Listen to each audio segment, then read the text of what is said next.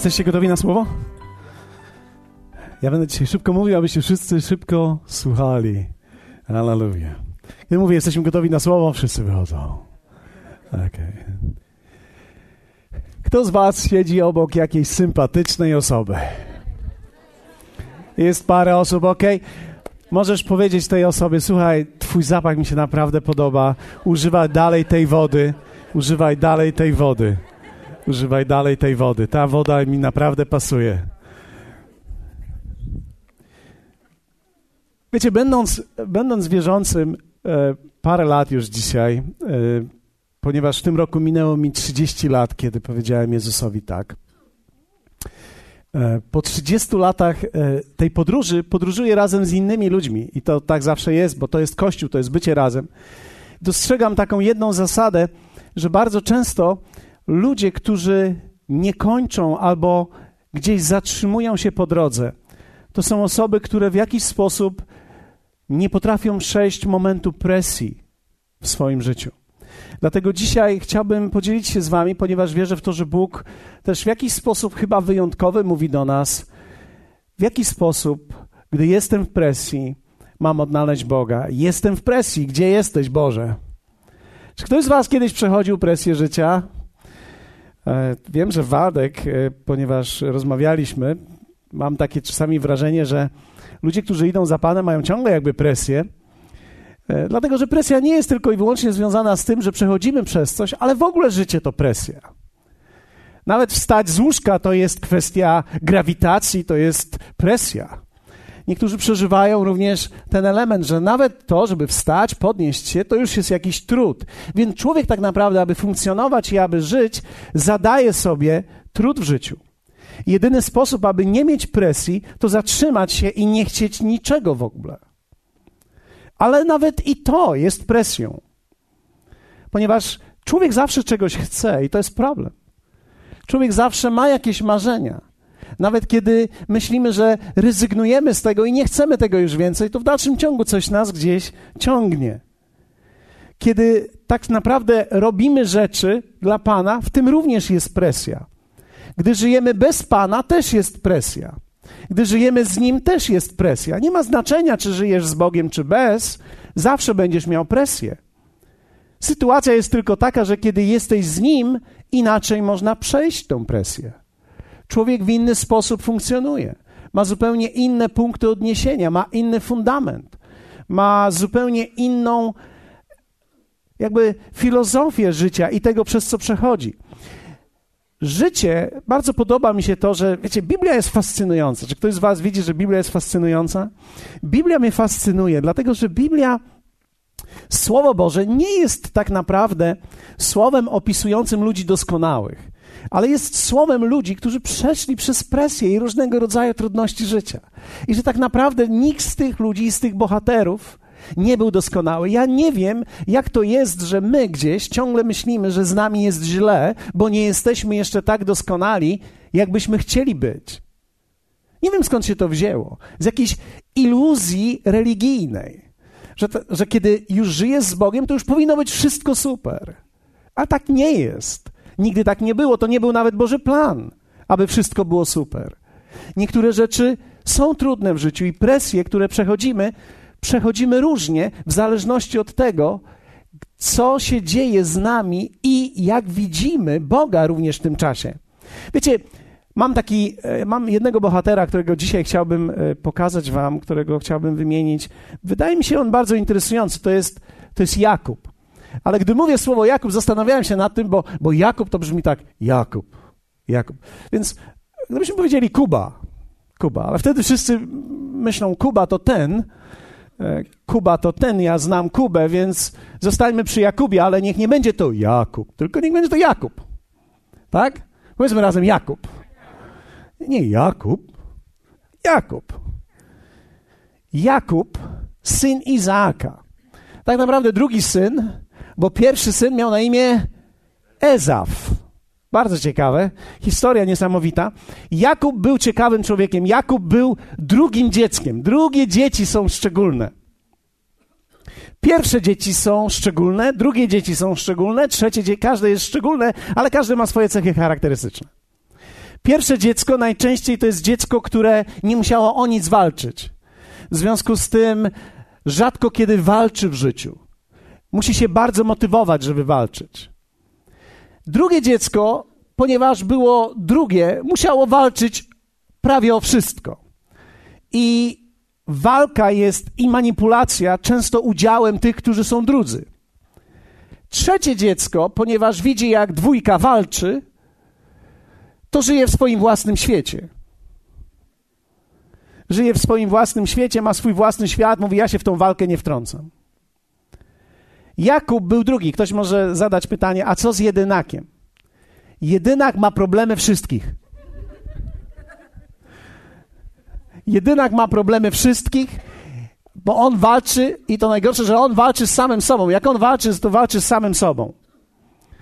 On ciągle walczy z samym sobą, chce się pobić, ciągle pobić kolejny rekord, chce być lepszy od siebie, gdy był wcześniej, takim jakim był wcześniej. Więc jedynacy to też jest szczególna grupa, oni potrzebują szczególnej modlitwy i o nich będziemy modlić się po spotkaniu. Ale Jakub był drugi.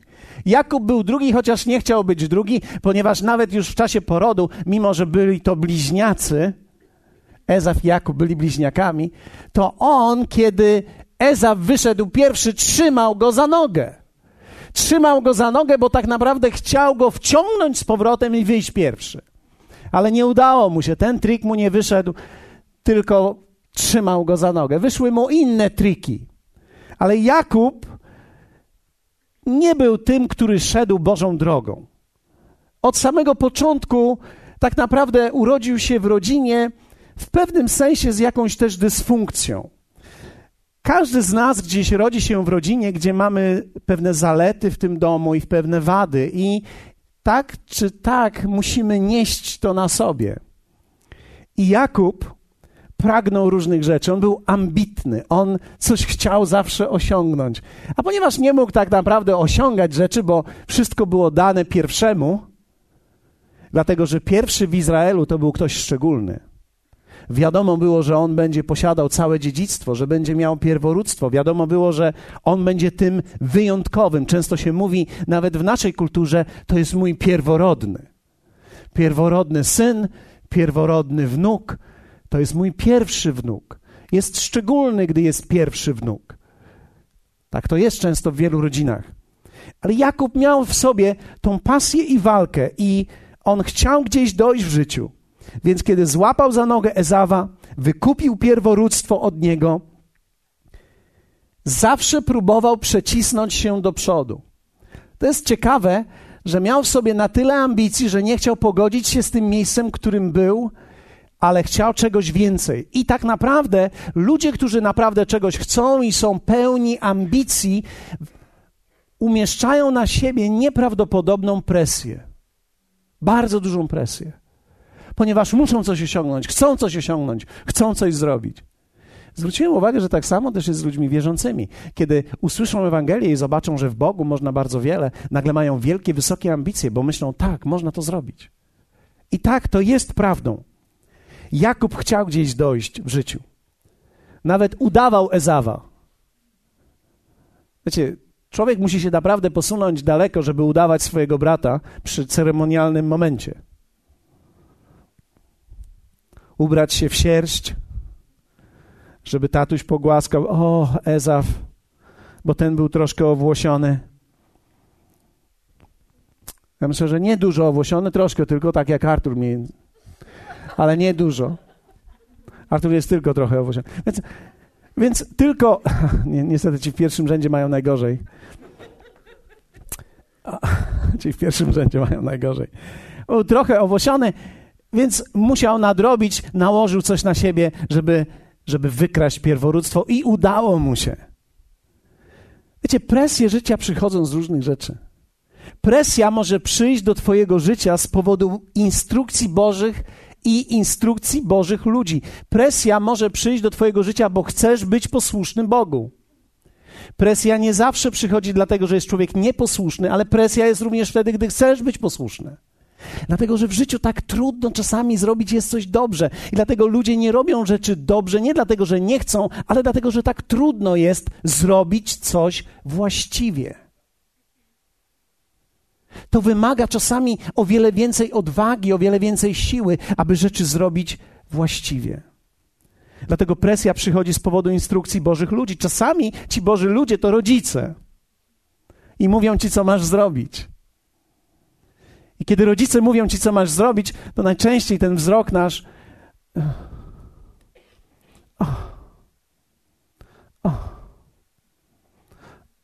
Wszyscy znamy ten wzrok.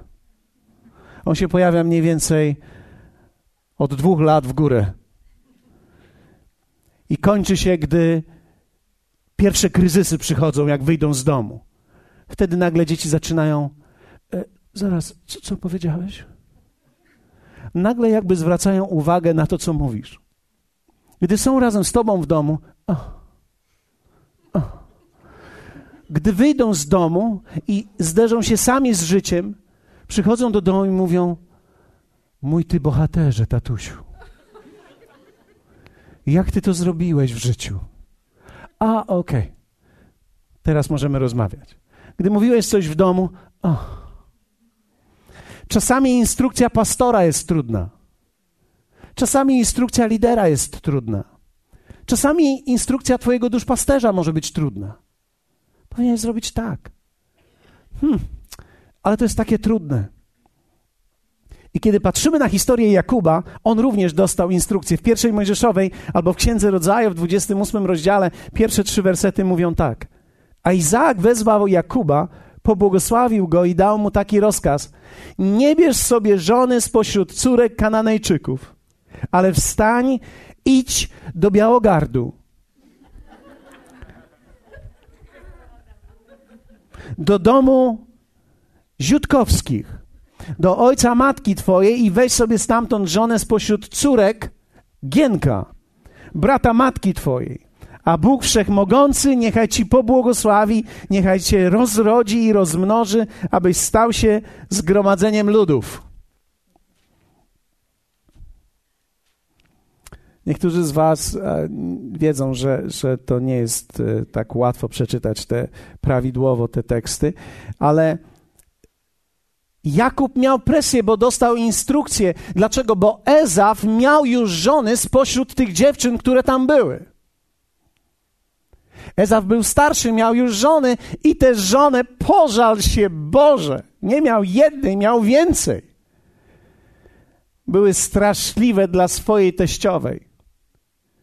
I matka Jakuba, Rebeka, przeżywała to straszliwie. Myślała sobie, mój Boże, tyle mam problemów i tyle jest problemów z tymi kobietami. To są niewłaściwe kobiety i teraz muszę z nimi żyć. One dokuczały jej, bo nie znały Bożego prawa, nie znały Boga i tak naprawdę żyły innym życiem. Więc ojciec mówi: Nie bierz tutaj żony. Weź tą właściwą, to była lojalność religijna, musisz właściwie wybrać. Pójdź za właściwą osobą. Wiecie, Jakub miał 40 lat. Jak facet ma 40 lat i nie ma żony i nigdy nie miał kobiety, to jest interesujący człowiek. Prawdopodobnie żyje w jakimś przedziale swojej frustracji. Mam 40 lat, i nigdy nie miałem żony. I teraz dużo jest tutaj, reklamuje się dziewczyn naokoło, a mój tato mi mówi: Nie tu, tylko teraz masz się zapakować, masz wziąć wielbłądy, całą karawanę i masz wyruszyć gdzieś w drogę daleko, żeby poszukać tej właściwej. To jest presja, to jest instrukcja kogoś, kto chce Twojego dobra, ale tak naprawdę wprowadza Cię to w presję. Jesteś sfrustrowany, bo musisz coś zrobić, nie możesz pójść na łatwiznę, trzeba zrobić coś właściwego. Dlatego, że Boża instrukcja zawsze jest trudna. Nawet trudna jest, jak nie mamy żadnego innego wyjścia. Ostatnio rozmawiałem z młodym człowiekiem, który był bardzo zdesperowany i mówi do mnie, że życie nie ma sensu. I ja mówię do niego: Jeśli życie nie ma sensu i stwierdziłeś to, że nie ma sensu, spróbuj Jezusa. Ja tak, ha? Ja mówię, chyba, że masz jakieś inne opcje. No nie mam. Ja mówię, to spróbuj Jezusa. I wiecie, to jest bardzo ciekawe, ale człowiek czasami może nie mieć żadnych innych opcji, powiesz mu spróbuj Jezusa, a on w dalszym ciągu myśli, to nie jest wcale takie proste, muszę się zastanowić. Innymi słowy, nie mam żadnej innej drogi. To wygląda jak droga. Być może jest jakaś droga. Nie wiem, co jest na tej drodze, ale to jest jedyna droga.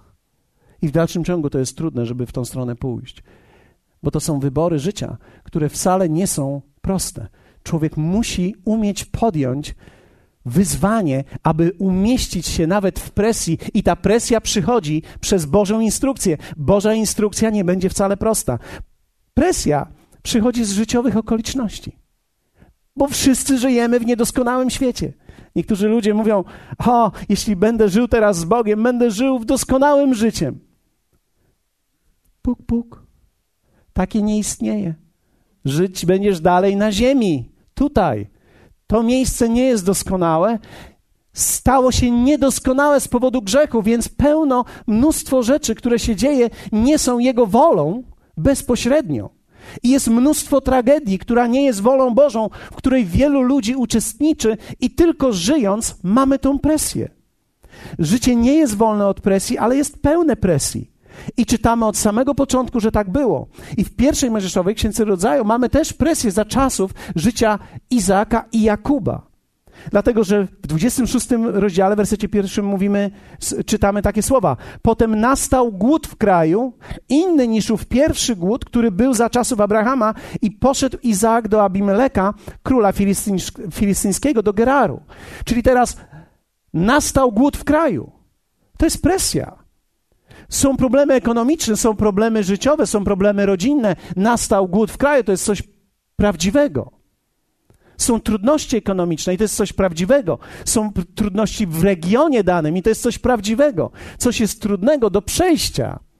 I dalej jeszcze mamy, czytamy, że to nie był ten głód, który był wcześniej, bo wcześniej był jeszcze inny głód, czyli mieli jeden głód, poszli za Bogiem, a później dalej był kolejny głód.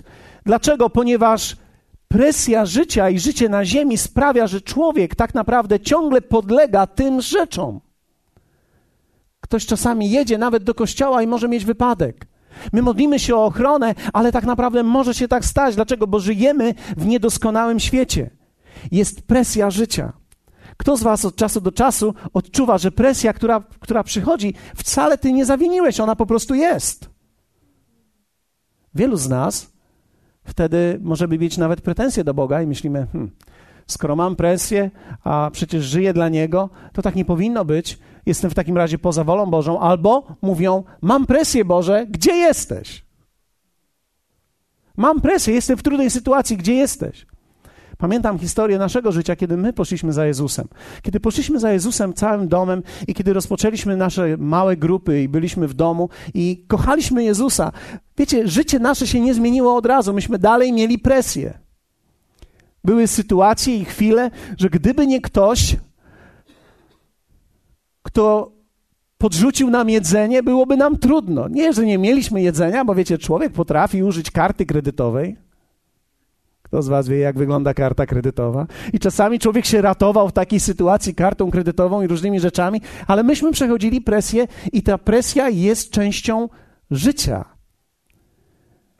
Od czasu do czasu, nawet służąc Bogu, człowiek może mieć presję. Pamiętam taką historię pewnej kobiety, która składała świadectwo w kościele, jeszcze w takim starym kościele, gdzie można było wyjść do przodu, był mikrofon i można było powiedzieć świadectwo. I ona wyszła do przodu i mówi takie świadectwo. Otóż pewnego dnia, pewnego dnia nie miałam już co jeść i poszłam do kościoła. I ostatnie pieniądze włożyłam na ofiarę. I później przyszłam do domu i patrzę, a pod moimi drzwiami jest mnóstwo jedzenia. Włożyłam wszystko do domu, wyszłam na zewnątrz i zaczęłam śpiewać.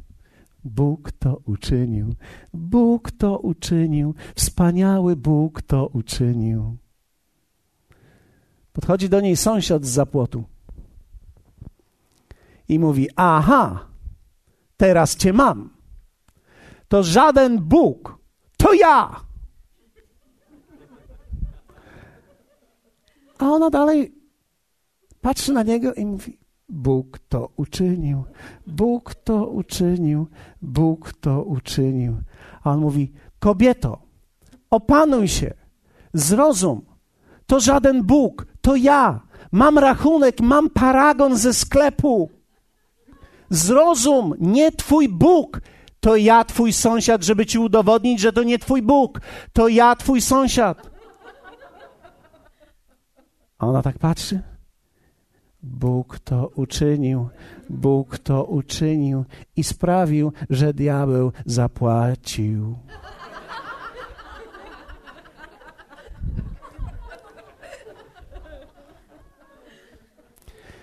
Są historie życia, jest presja życia, która przychodzi nie dlatego, że człowiek coś zrobił, ale dlatego, że nic nie zrobił, po prostu żyje i jest presja. Presja również może przyjść od złych ludzi. Ktoś może powiedzieć: Wszyscy ludzie są wspaniali i są dobrzy. Mm, mm, pożyj trochę dłużej. Ja, ja nie chcę powiedzieć, że ludzie nie mają potencjału w sobie, aby robić dobre rzeczy, ale pożyj dłużej. Są ludzie pełni nieprzebaczenia. Są ludzie, którzy żyją w chęci zemsty. Są ludzie, którzy mają gorycz w sobie którzy są nieposłuszni Bogu i będą chcieli uderzyć w Twoje życie. Są ludzie, którzy w danym momencie przeżywają tak bardzo swoje zranienia i będą chcieli, żeby ktoś im akompaniował w tym i będą uderzali. Czasami masz kogoś takiego w pracy, kto nie wiadomo dlaczego ciągle robi ci na złość. Może masz jakiegoś niezrównoważonego szefa. Zdarza się tak. Albo niezrównoważony klient może popsuć ci również dzień. Mogą być różne sytuacje w życiu, ale wierzcie mi, są też źli ludzie, którzy z powodu zazdrości i z powodu goryczy, która w nich jest, uderzają w innych. I w Jakuba, w życiu Jakuba również tak się zdarzyło. To był jego brat. I czytamy o tym księdze rodzaju, dlatego znienawidził Ezaw Jakuba z powodu błogosławieństwa, którym go pobłogosławił ojciec. I taki powziął Ezaw zamiar. Zbliżają się dni żałoby po, po ojcu moim, Wtedy zabiję brata mego Jakuba. Wiecie, dni żałoby, inaczej mówiąc, mój ojciec już jest stary, prawdopodobnie niedługo umrze, wtedy go zabiję. Nie zabiję go teraz, żeby ojciec nie żałował, zabiję go później, gdy ojciec już umrze. I będę robił wszystko na złość jemu, z powodu tego, co się w jego życiu dzieje. Dlatego jest tak istotne, abyś umiał zobaczyć, kto jest kim w Twoim życiu, kto pełni jaką rolę i jacy ludzie są. Dlatego, że może się zdarzyć, że presja przyjdzie od złych, niewłaściwych ludzi. Ta presja była w życiu Jakuba również z powodu jego rodziny. Jego wujek Laban. Ten, który tak naprawdę miał mu dać córkę, na którą pracował, dał mu niewłaściwą i zmusił go i zmanipulował nim, aby pracował jeszcze kolejne siedem lat. Wierzcie mi, siedem lat i siedem lat to to jest 14 lat i kiedy facet ma 40, gdy wyrusza, to ma 54. Ja rozumiem, że kobiety mają zegar, ale wierzcie mi, mężczyźni również. Gdy masz 54 lata, ja jeszcze nie wiem jak to jest, gdy masz 54 lata, ale wiem jak to jest, gdy się ma 44 lata. Niektóre funkcje organizmu zamierają. Nie mówię wszystkie. Niektóre. Człowiek patrzy na życie inaczej. Kiedy wszyscy ludzie biegają, to mi się już tak bardzo nie chce biegać wtedy. Kiedy patrzysz na biegacza, myślisz sobie, kiedyś też tak biegałem. Kiedyś też tak szybko. Kiedyś też tak wysoko skakałem. Presja i trudności są częścią życia, ale również dla nas mogą być momentem wybudzenia. Presja może być momentem wybudzenia. Ciekawe jest to, że Jezus powiedział: To nie zdrowi szukają lekarza, ale chorzy. Ciekawe jest to, że Jezus powiedział właśnie to, że człowiek, który zdaje sobie sprawę ze swojej choroby, szuka lekarza. Szuka pomocy. Dlatego nic dziwnego, że w kościele nie znajdujemy ludzi, którzy przychodzą i mówią: Wszystko u mnie jest dobrze. I ciekawe jest to, jak bardzo ludzie się wstydzą, gdy przychodzą, bo przychodzą i mówią: Wszystko jest źle i wstydzą się, bo myślą, że wszyscy, którzy tu są, to są ci, którzy wszystko mają poukładane i wszystko jest dobrze. Ale pozwól, że powiem ci pewną nowinę. Ci wszyscy, których tu zastałeś, przed tobą przyszli w takim samym stanie, jak ty przyszedłeś. To nie byli ludzie, którym się poukładało, to byli ludzie, którzy go szukali, a nie szukali go, bo było im dobrze. Szukali, bo mieli rozbite życie, bo mieli kryzysy, bo mieli presję, bo, bo byli na dnie, bo byli w miejscu, w którym nie dało się już żyć i szukali jego. To miejsce presji, kryzysu tak naprawdę wybudziło ich, tak aby mogli go poszukać. I mamy tutaj tekst w Księdze Rodzaju, który mówi dalej o jego podróży. I zobaczcie, ten tekst jest niesamowity. Jakub wyruszył z Berszeby i udał się do Haranu, a gdy przybył na pewne miejsce, zatrzymał się tam na noc, gdyż słońce zaszło i wziął jeden kamień z tego miejsca i położył go sobie pod głowę i zasnął w tym miejscu. I śniło mu się, że była ustawiona na ziemi drabina, której szczyt sięgał nieba, po niej zaś wstępowali i wstępowali aniołowie Boży. A Pan stał nad nią i mówił: Jam jest Pan, Bóg Abrahama, ojca twego i Bóg Izaaka. Ziemię, na której leżysz, dam tobie i potomstwu twojemu. Potomstwo twoje będzie liczne jak proch na ziemi i rozprzestrzenisz się na zachód i na wschód i na północ i na południe i będą błogosławione w tobie i w potomstwie twoim wszystkie plemiona ziemi. A oto ja jestem z Tobą i będę Cię strzegł wszędzie, dokądkolwiek pójdziesz i przywiodę Cię z powrotem do tej ziemi, bo nie opuszczę Cię, dopóki nie uczynię tego, co Ci przyrzekłem. A gdy Jakub się obudził ze snu, rzekł: Zaprawdę, Pan jest na tym miejscu, a ja nie wiedziałem. Wiecie, to jest ciekawe, ale kiedy człowiek jest w presji, posłuchaj tej instrukcji bo wierzę w to, że ona pomoże nam po tym, co się działo w życiu właśnie Jakuba. Pierwsza rzecz to jest, kiedy masz presję i kiedy przychodzisz i kiedy przechodzisz trudny moment, otwórz się na działanie Boże. Otwórz się na działanie Boże. Ono jest ponadnaturalne, ale jest również naturalne w ponadnaturalności. Wiecie, czasami to może być taka sytuacja, że przyszedłeś tutaj przez przypadek. I dla ciebie to był przypadek, ale to nie był przypadek. Spotkałeś kogoś na ulicy, kto ci powiedział o Bogu, kto ci powiedział, że Jezus może ci pomóc, i to był przypadek, ale to nie był przypadek. I być może gdzieś usłyszałeś o Jezusie, a później kogoś spotkałeś i powiedział ci o Jezusie, i myślisz sobie, mój Boże, to już dwa przypadki w tym tygodniu. Gdzieś usłyszałem i ktoś mi powiedział. To nie może być przypadek. Otwórz się na działanie Boże. Ono nie będzie wcale spektakularne, ale ono będzie ponadnaturalne. Czasami to jest sen, jak w wypadku Jakuba. Coś mu się przyśniło.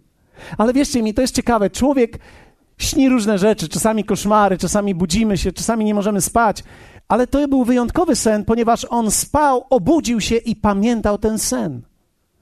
Dokładnie wiedział, co mu się śniło. Wiedział i widział i poczuł to. Czasami Bóg może przemawiać do nas przez sny.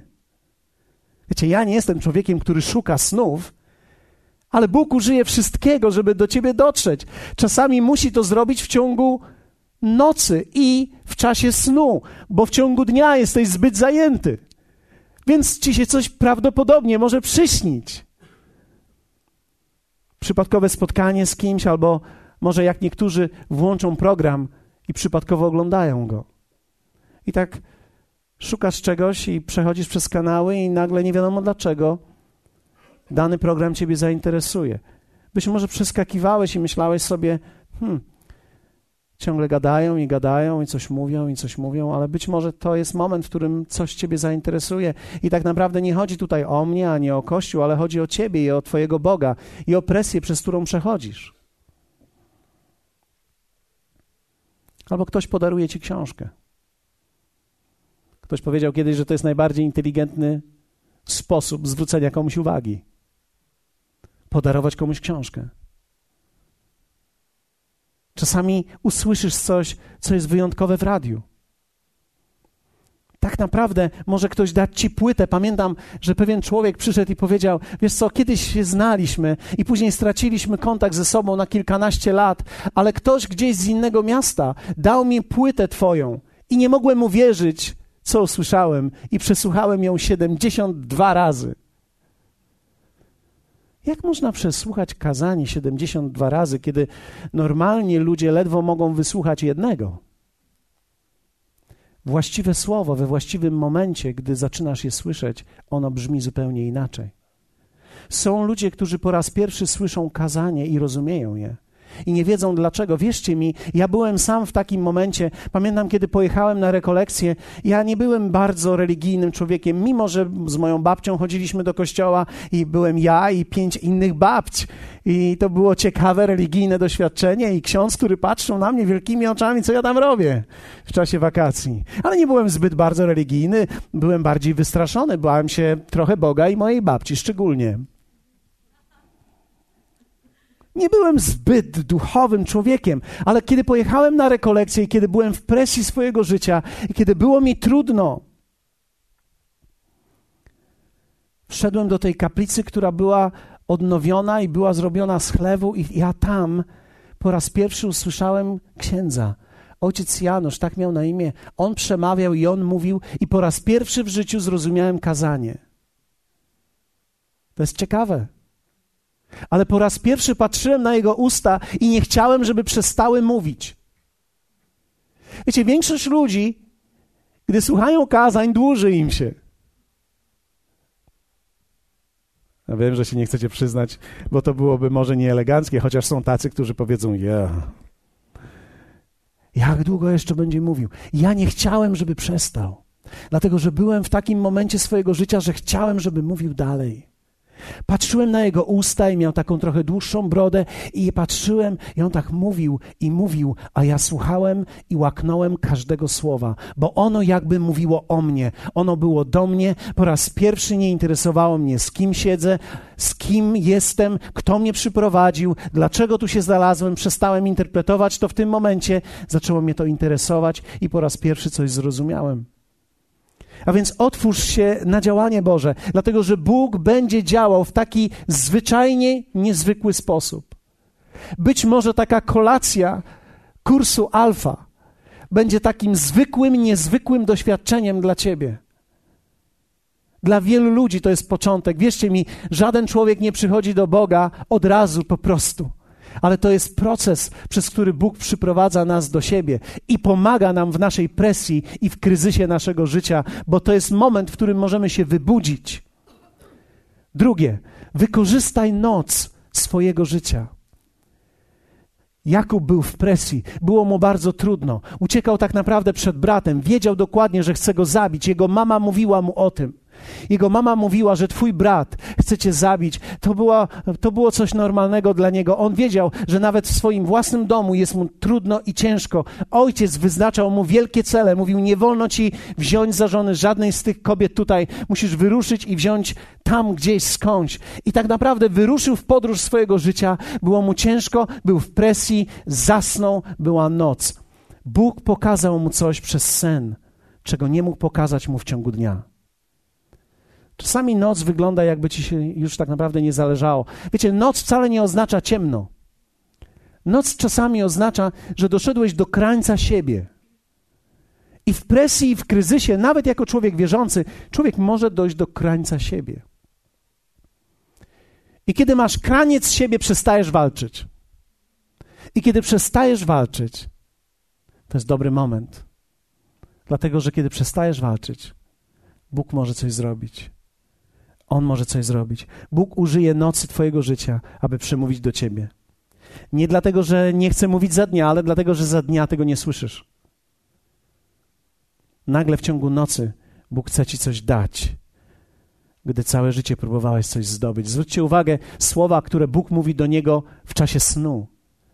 Bóg mówi takie słowa: Jakubie, dam Ci.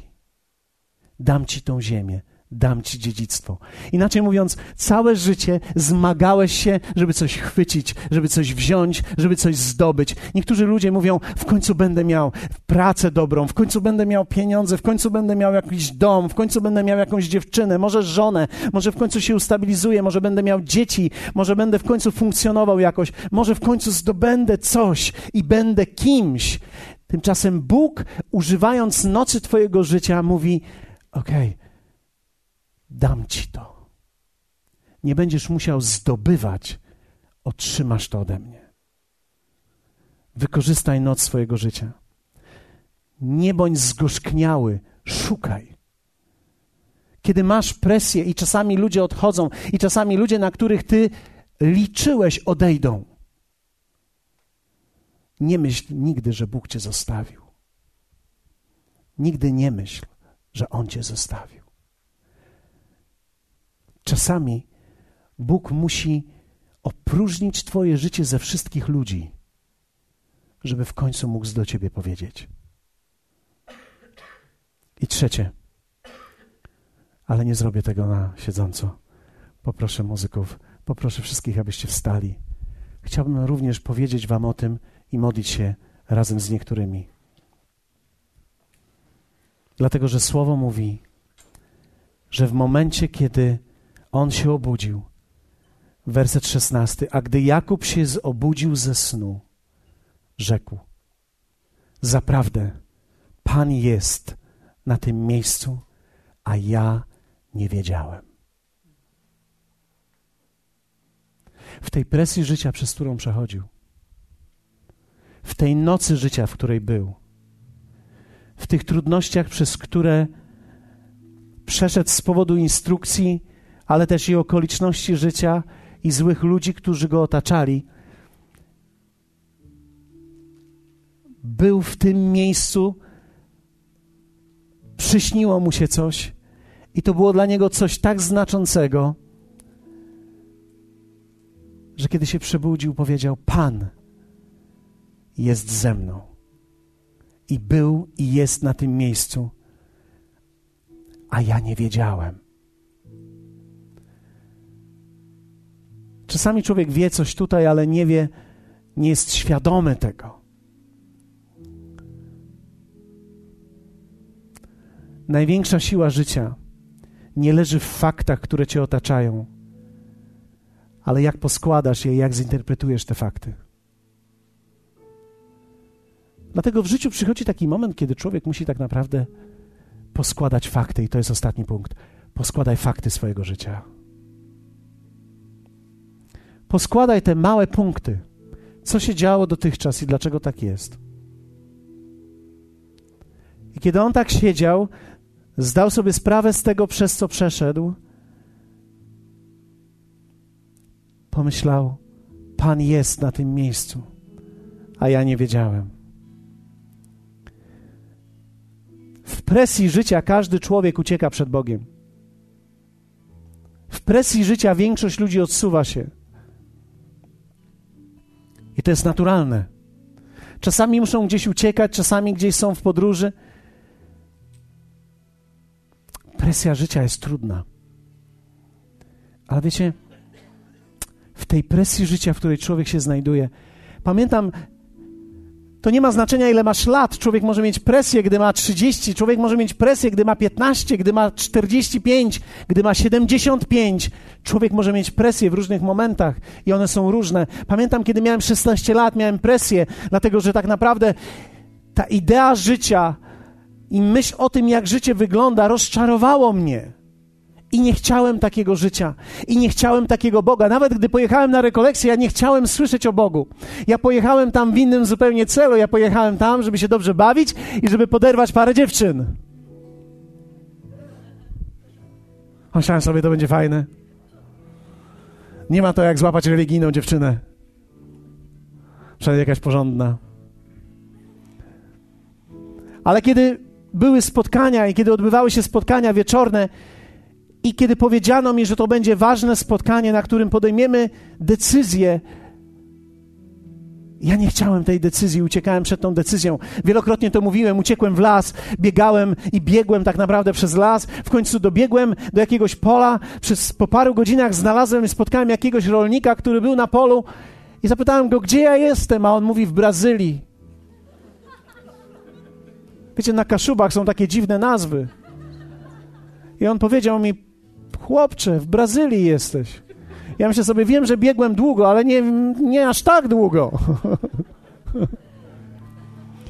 Ja pytam go, a gdzie jest ta wioska, w której mam rekolekcję? A on mówi, jak będziesz szedł przez te lasy w tamtą stronę i przez pola, to powinieneś dobiec za parę godzin. Okej. Okay. Ale wiecie, było już szaro i ciemno. i wiedziałem, że mam tylko 40-50 minut, więc biegłem i zagubiony byłem i, i, nic nie było wokół mnie, tylko te pola i trochę tych lasów i nagle na takiej drodze stanąłem, mówię, taki zmachany, e, byłem w dobrej kondycji, ale, ale zmachany, stanąłem i myślę sobie, co mam teraz zrobić i przez przypadek zobaczyłem, że jestem na rozdrożu. I na tym rozdrożu, tak jak na Kaszubach, niektórzy z Was może jak byli, wiedzą, tam jest dużo różnych krzyży. I tam stał ten krzyż.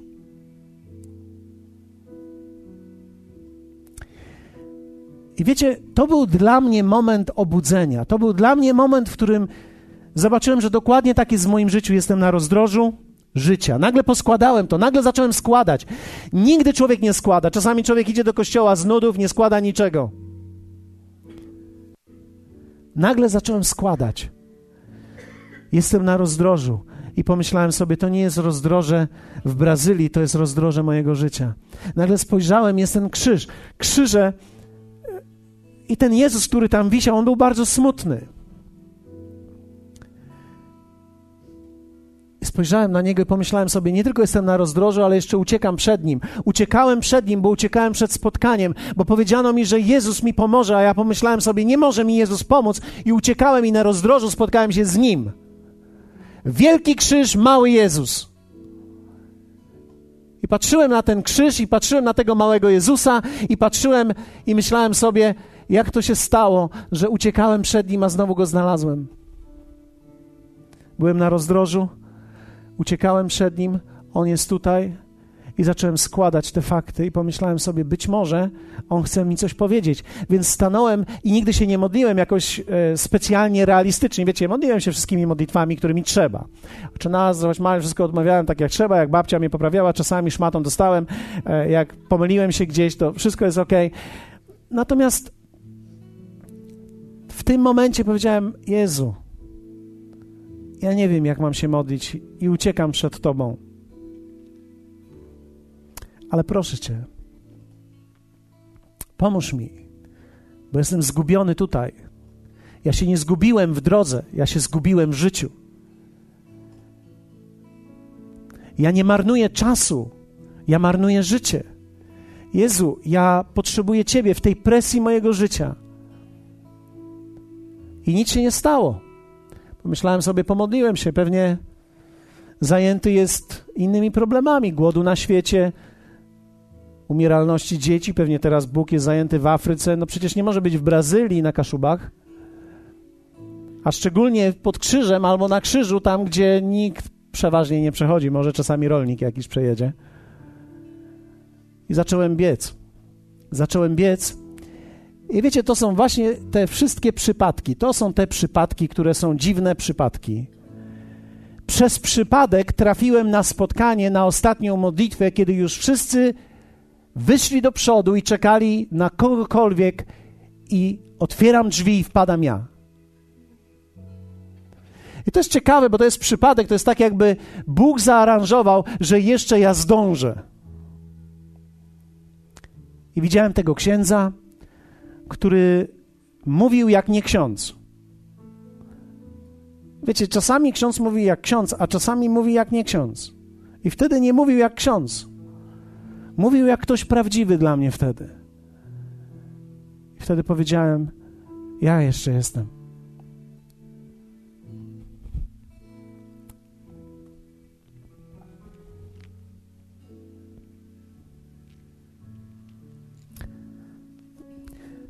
Mój kolega grał na gitarze.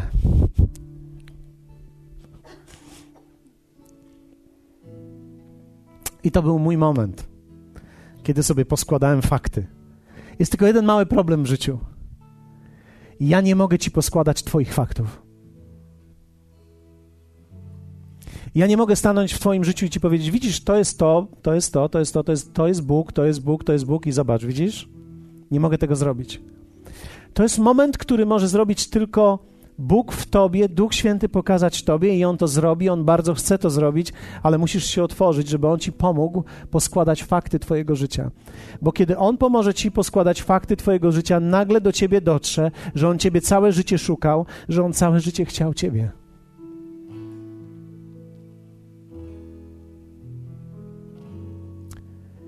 I niezależnie od tego, jak później dalej wygląda życie, ty wiesz, że Pan był na tym miejscu, a ja nie wiedziałem. Dzisiaj ja wiem. I wtedy nagle zobaczyłem, że Bóg był na tym miejscu, a ja nie wiedziałem. Dlatego, że kiedy człowiek w presji życia dotrze do takiego miejsca, nagle widzisz, że Bóg cały czas był z tobą. I kiedy ty byłeś sam, i kiedy cierpiałeś, i kiedy było ci trudno, On cały czas był z tobą. I On chce użyć tego momentu życia do tego, aby pokazać ci. I dzisiaj chciałbym, abyś tam, gdzie stoisz, tam na miejscu,